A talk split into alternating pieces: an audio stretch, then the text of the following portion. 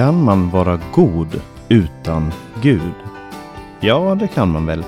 Du känner helt säkert till många ateister och agnostiker och andra som inte tror på Gud men gör goda saker. Så då kan man vara god utan Gud. Eller? Det finns nämligen ett argument för Guds existens som eh, är kanske det argumentet jag använder allra mest när jag talar med ateister. Och det kallas för det moraliska argumentet för Guds existens. Och det ska jag ge en liten introduktion till här idag. Jag heter Paulus Eliasson. Det här är Radio Maranata och idag så pratar vi moral. Så här formuleras eh, det här programmets argument för Guds existens. Och om du inte har eh, fått med dig det så har jag haft några program där jag har talat om olika argument eller bevis för Guds existens. Veckans argument går så här. Det presenteras som ett logiskt eh, argument där punkt 1 säger om Gud inte finns så finns inte objektiva moraliska värden och plikter. Andra punkten är objektiva moraliska värden och plikter existerar. Och konklusionen är alltså existerar Gud. Och som jag sagt tidigare så rent logiskt så håller det här argumentet om det är så att premisserna är sanna. Jag säger det här igen. Första punkten, om Gud inte existerar så existerar inte objektiva moraliska värden och plikter. Eh, den andra punkten, objektiva moraliska värden och plikter, existerar och konklusionen alltså existerar Gud. Och Det första man måste fråga sig när man gör det här påståendet är vad menar vi med objektiva moraliska värden och plikter? Ehm, det är fyra olika ord där som objektivt, moral, värden, plikter.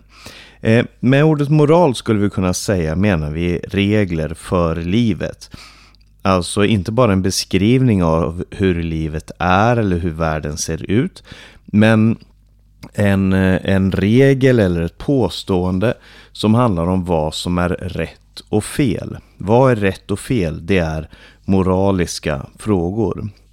Och att moralen är objektiv, det betyder att en viss handling som till exempel att eh, tortera katter för nöjes skull, faktiskt är fel. Det är fel. Eh, oavsett vad folk anser om katter eller tortyr så är det fel. Det betyder inte en absolut moral, alltså, alltså att en viss handling alltid är fel. Men en objektiv moral som betyder att given vissa premisser, alltså en viss situation, en, och en viss handling i den situationen har ett moraliskt värde oavsett vad folk anser om det. Eh, subjektiv moral däremot, det betyder att det som är rätt och fel baseras på någonting som kan förändras. Till exempel kan man säga, ja förr menade vi att det var rätt att tortera katter och då var det rätt, men nu menar vi att det är fel och därför är det fel. Det är ett exempel på subjektiv moral. Och vad menar jag då med, med objektiva moraliska värden och plikter? Ett objektivt värde det betyder att någonting, till exempel en människa, har ett värde oavsett vad någon anser eller vad lagen säger eller hur praxis ser ut. Och ordet plikt betyder att man har moraliska skyldigheter, alltså något har ett moraliskt värde och man har moraliska skyldigheter. Och alla är nog eniga i att det finns värden och skyldigheter. Frågan är om de är objektiva eller inte. Låt oss nu se på de här premisserna. Den första premissen var alltså om Gud inte finns så finns inte objektiva moraliska värden och plikter. Är det sant? Överraskande nog så är det inte det här påståendet som de flesta ateisterna har problem med. I alla fall inte till att börja med. Anledningen är att om moralen är objektiv så måste den baseras på och grundas i någonting som har en absolut auktoritet. Och vi kan ta några exempel. Om vi tar exemplet, eh, det är en liten pojke i ett hem som, som tar en penna och rita på väggen. Och så får stora syster se det här, kommer förbi och säger du får inte rita där.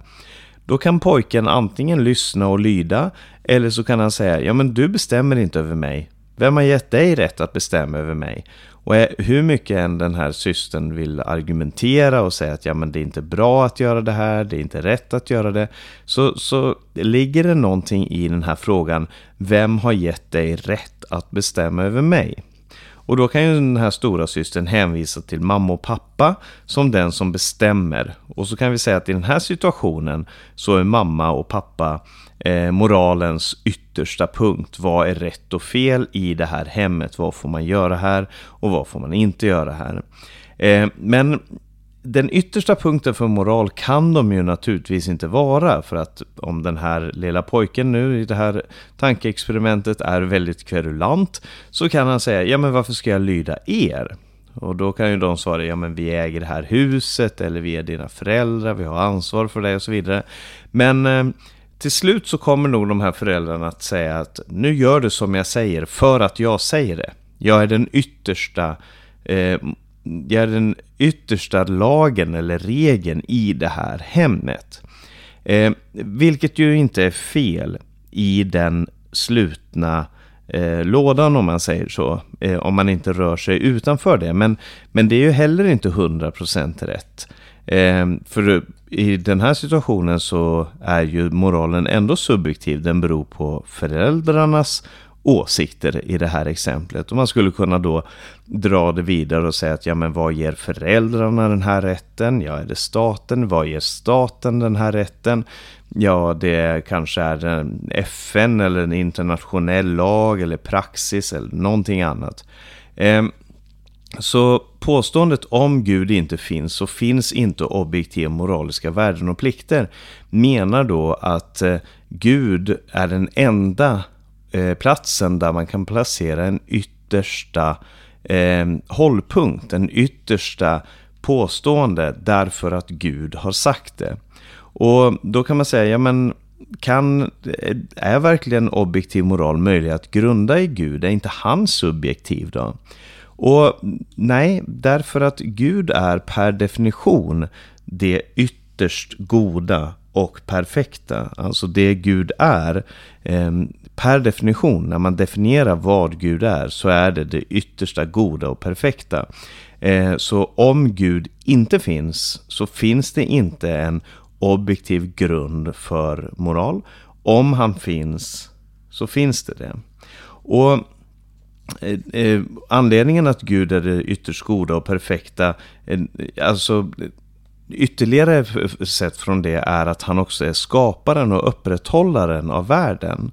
Och då har han per definition rätten att befalla och skapa moraliska regler. Om Gud inte finns däremot och vi bara är resultatet av slumpen över lång tid, då finns inte objektiv moral. Så premiss 1 är sann.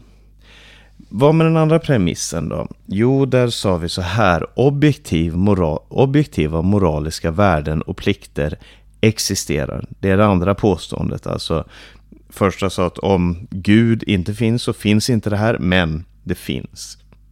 Och det här, det här, det är på den här punkten som de flesta artisterna börjar protestera. Därför man säger att ja, men det behövs ingen objektiv moral. Och det finns ingen objektiv moral och det behövs heller inte någon. Varför ska vi ha den? Det räcker med en subjektiv moral. Och så har man två, tre förslag på var man kan grunda sin moral. För det första så är det många som säger att ja, men, vi måste ju grunda den på vad majoriteten anser. 99% av alla människor menar att det är fel att tortera katter för nöjes skull. Och därför säger vi att det är fel. Majoriteten av människor förstår att det är fel att mörda. Majoriteten förstår att det är fel att stjäla eh, och, och, och ljuga och så vidare. Och därför så kan vi utgå från majoritetens åsikter och så kan vi eh, grunda vår, vår eh, tro eller vår, vår moral på just det. Men är det ett bra alternativ? Ja, kanske för en stund, men både du och jag vet att det har varit otroligt många gånger i historien som majoriteten har haft grundläggande fel. En gång i tiden så menade majoriteten att slaveri var rätt. Det var inte rätt bara för att många menade det. Eh, det var fel den gången. Det var, även fast alla menade det så var det fel. Och det uppstår också många teoretiska problem. För tänk om det fanns en, finns en planet någonstans långt borta med hundra miljarder utomjordingar som tycker att det är okej okay att tortera katter. Blir det plötsligt rätt då? Eh, om vi ska gå efter majoritetsbeslut. Eller för att ta ett mer allvarligt exempel. Om nazisterna hade vunnit kriget, andra världskriget och hade dödat alla sina meningsmotståndare. Hade det då varit rätt att döda judar? Nej. Majoriteten är inte en bra måttstock för moral. Men eh, kanske evolutionen är det då. Eh, vi har genom miljoner av år, säger man, utvecklat en moralisk intuition som gör att vi förstår att det är fel att döda andra, att stjäla, att ljuga och så vidare. Så evolutionen bestämmer. Och vi följer evolutionen. Vi har blivit sociala varelser.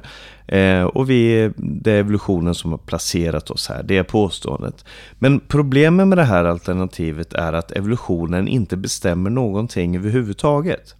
Evolutionen vill ingenting. Man uttrycker det ibland så. Ja, evolutionen är fantastisk. Den, den gynnar det här. Den, och, och det kan hända att den gynnar. Men eh, den vill ingenting. Den har inget mål, den har ingen vilja. Eh, om det var evolutionärt gynnsamt att döda småbarn så betyder inte det att vi har en plikt att göra det. Och om evolutionsteorin stämmer så har den också format människor Eh, den har format människor som har ett det vi menar är ett gott moraliskt beteende. Men den har i så fall också skapat människor som har ett omoraliskt beteende. Så evolutionen är inte en god nog förklaring på objektiv moral. Eh, men det finns ett tredje alternativ också. Det är att eh, försöka grunda moralen i en slags devis. Till exempel en, devis som ja, men vi ska göra minst möjlig skada och största möjliga nytta för flest människor. Eller det som ger lycka är gott. Eh, och man har, kan ha en utilitaristisk filosofi eller någon annan filosofi. Och de här kan låta väldigt bra. Men faktum är att det finns ingenting som de här påståendena grundar sig i. När man väl analyserar dem säger man ja men det är bra för mänskligheten. Ja men varför behöver det vara bra för mänskligheten? Alltså man gör moraliska påståenden men har ingenstans att grunda dem. Och faktum är att jag har mött många ateister som säger att det inte finns någon objektiv moral och att allt bara är subjektivt. Men så fort man nämner folkmord så säger de nej men det är fel. Och, inte, och så säger jag men Menar du bara att det är fel eller är det faktiskt fel? Jo, det är faktiskt fel. Folkmord är fel. Eh, det är fel att göra vissa saker. Och när man ser de fruktansvärda saker som sker i samhället, i världen, i historien, eh, som människor utsätter andra människor för, så är det väldigt svårt att kunna stå där och säga att ja, jag tycker att det som sker med er är fel, men det är inget fel egentligen. Och om du som lyssnar nu är en ateist och du menar att det inte finns någon objektiv moral så vill jag att du ska tänka dig att du tittar ner i den djupaste avgrunden, i en massgrav från andra världskriget till exempel. Och där nazisterna har samlat hundratals judar och strax ska likvidera dem. Och kan du verkligen titta ner på dem och säga att ja, jag tycker att det här är fel. Och de flesta människorna i min tid tycker att det här är fel. Men det finns ingenting som är objektivt fel i det nazisterna gör här just nu. För om du kan eh, göra det så ja, då, då, då får jag bara säga att det är otroligt beklagligt. För även de största moraliska nihilisterna har nästan alltid saker som de menar är sanna eller falska. Du som ateist kanske menar att det här jag säger nu, ja det är omoraliskt eller det är fel eller det är vilseledande och då får du gärna tycka det. Men då grundar du dig på att det finns någonting som är rätt eller fel och det bevisar egentligen min poäng.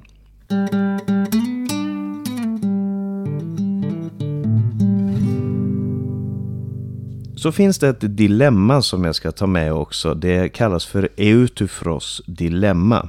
Det berättas att eh, antikens filosof Aristoteles eh, enligt Platon förde ett samtal med en man som hette Eutyfro. Och han frågade så här, det var ju Sokrates vanliga stil att, eh, Ehm, att diskutera och, och, väcka människors tankesätt på, tankar på, Bara ställa dem dilemman och frågor och så leda det därifrån. Och han frågade Eutyfro så här, är dygden dygd för att gudarna befaller det? Eller befaller gudarna det för att det är en dygd?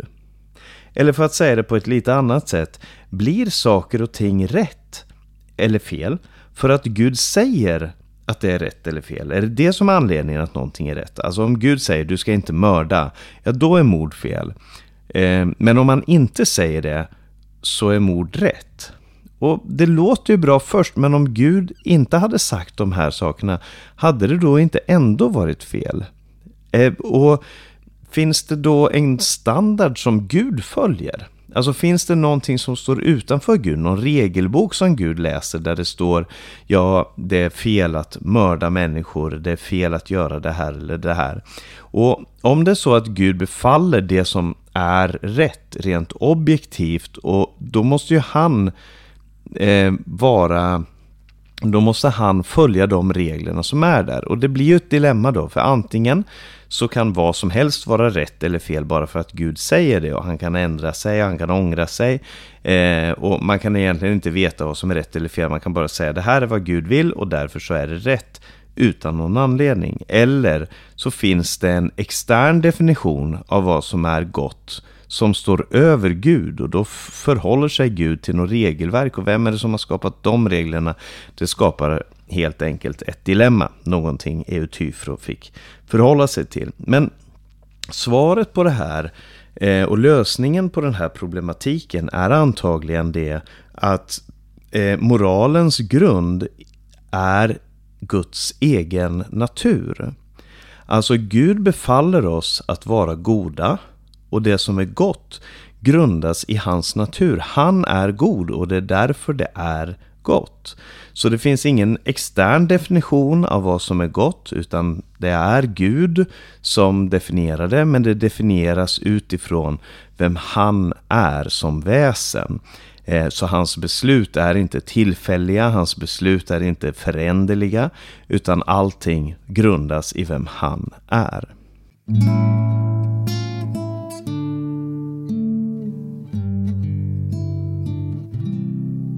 Som jag sa i inledningen så tycker jag om det här argumentet och använder det en hel del när jag pratar med ateister. Inte på det sättet att jag ofta lägger fram det här argumentet rent logiskt. Men jag försöker använda det här i det att jag utmanar dem som jag pratar med. Så fort de säger så här att ja men det där är inte sant eller det där är fel eller eh, det, det, där är eh, det där är falskt. Alltså så fort de gör moraliska bedömningar, det borde inte göra så. Inte bara förklara hur saker och ting är, men säger det är bra eller det är dåligt. Och det gör vi människor hela tiden. Kristna som okristna har åsikter och vi menar att saker och ting faktiskt är fel. Och då frågar jag, tycker du, jag kan fråga, om de säger så ja men du ljuger. Då kan jag fråga, jag tycker du att det är fel när folk ljuger? Och så säger de ja, självklart är det fel när folk ljuger. Och så frågar jag varför är det fel när folk ljuger? Och så följer vi den här tråden tills de kommer till vägs ände. Varför är det fel? Ja, men för att det skadar människor. Varför är det fel att skada människor? Jo, för att människor behöver eh, frodas och leva och vara lyckliga. Varför behöver de det? Alltså, till syvende och sist så kommer man fram till allting är subjektivt och om allting är subjektivt då är det ingenting som spelar någon roll. Men alla våra intentioner, eller alla våra intuitioner ska jag säga, allt det som är i oss säger att nej, det finns saker och ting som är rätt och det finns saker och ting som är fel. Eh, och Målet med de här samtalen det är ju inte bara att vinna en diskussion utan eh, det är att visa att det ateister måste göra, den som inte tror på Gud måste göra är att låtsas som om saker har värde. låtsas som att saker har en mening. Eh, låtsas som att någonting är rätt eller fel utan att ha någonstans att begrunda det annat än i sin egen intuition och sin egen gissning eller tanke. Och då kanske de säger saker som ja men man får skapa sin egen mening eller allting är subjektivt och det låter ju bra. Men det är ingen som lever så. Ingen. Ingen förälder bäddar in sina barn på kvällen och säger ja min kärlek till er det, det är ingenting. Jag har inget e värde. Att döda er små barn som ligger här försvarslösa i er säng, det tycker jag var, hade varit jättetråkigt, men, men det är inte fel objektivt sett. Det hade varit ett helt absurt påstående att komma med. Så det finns en dissonans mellan det som en icke-troende påstår, nämligen att Gud inte existerar och att det inte finns någon objektiv moral. Eh, och det finns en dissonans mellan det och det liv som man lever. Och det är när man kan visa det här för människor som man kan börja presentera evangelium på ett verkligt sätt. För om Gud är den som ger allting sitt verkliga värde och sitt rätta värde, då är det också han som visar oss vad sann kärlek är. Aposteln Paulus skrev till medlemmarna i församlingen i Efesus följande om deras liv innan de kom till Gud. Det står i Efesierbrevet kapitel 2 och vers 12 så här. På den tiden var ni utan Kristus, utestängda från medborgarskapet i Israel och utan del i förbunden med deras löften. Ni var utan Gud, eh, utan hopp och utan Gud i världen. Och att vara utan Gud, det är att vara utan Alltså, ni är utan hopp och utan Gud i världen. Därför att utan verklig eh, utan att Gud är verklig så finns det inget hopp. Det finns ingen mening. Det finns inget objektivt värde. Och ofta så reagerar ateister på det här och säger nej, man får skapa sitt eget värde. Man får skapa sin egen mening. Men vi lever inte på det sättet. Vi lever inte, vi, vi säger att saker och ting är fel. Saker och ting, inte bara att ja, men jag tycker att det var fel att döda judar i koncentrationsläger. Nej, hela vårt väsen skriker ut, det är fel. Det är det finns saker och ting som är sanna och saker och ting som är falska. Och det finns väldigt mycket mer som vi kunde säga om den här för att det här väcker också ofta frågan om till exempel hur kan det finnas en god gud när det är så mycket ondska i världen? Det är ju ett närbelig en närbeliggande fråga.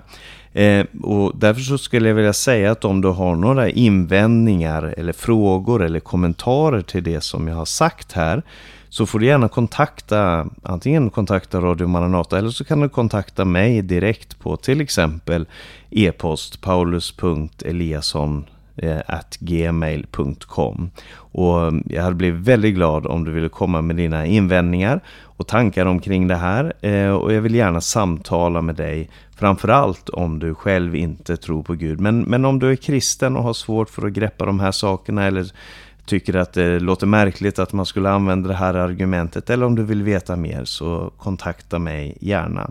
Och i inledningen så ställde jag den här frågan Kan man vara god utan Gud? Och jag tror att man absolut kan göra mycket gott utan att tro att Gud existerar. Alltså man kan göra goda saker. Eh, du känner många, du kanske till och med känner många ateister som är mycket bättre människor än det du tycker att kristna är. Eh, vad kan kristna göra som kristna inte, som okristna inte kan göra? Det är en annan fråga som jag inte ska gå in på här. Men, men det finns mycket gott som man kan göra utan att tro på Gud. Påståendet är absolut inte att okristna människor inte kan vara goda. Utan det vi säger är eh, att det finns ingen grund för att tro att någonting är gott eller ont om Gud inte existerar. Poängen är att det inte finns någon möjlighet att vara god eller ond om det inte finns en Gud som allting kan mätas mot. Och därför lever alla människor idag, alla människor som existerar, lever som om Gud fanns, även om de säger att de inte tror på honom. Eh, och det är en väckarklocka. Och det är därför som när man talar till människor och vittnar för dem så kan man använda de här väckarklockorna, de intuitionerna som man bär på, den känslan som man bär på, logiken som man förhåller sig till, alla de här sakerna som människor håller för sanna i utgångspunkt. Det kan man gripa tag i i sitt samtal. Och, och det är därför jag, som jag har frimodighet när jag säger till dig som lyssnar på det här, kom till Jesus. Kom till Gud och eh, eh, bli en troende. Ta emot Guds nåd till räddning för ditt eget liv. Därför att Gud finns verkligen och i allt det du gör, varenda beslut som du tar, så vittnar du om att Gud faktiskt finns.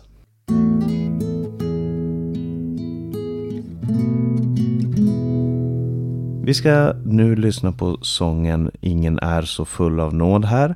Eh, men jag ska bara nämna att du har lyssnat på Maranata Podcast med mig Paulus Eliasson. Programmet har sänds över Stockholm och Örebro närradio.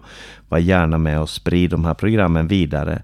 Eh, du kan komma i kontakt med oss via info maranata.se som är e-postadressen eller telefonnummer 070 201 60 20. Vi ska lyssna till Maranataförsamlingen som sjunger den här sången i en gammal inspelning. Ingen är så full av nåd här. Sprid Guds välsignelse till alla du möter och på återhörande.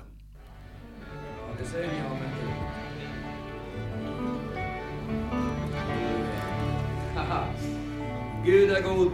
Amen! Halleluja! Halleluja! Gloria Jesus. Älskar du Jesus så säg amen. Amen! Tack och lov. Jag är svag som en lina och Jesus, jag säger tro namn. Jag är svag som en lina på Jesus.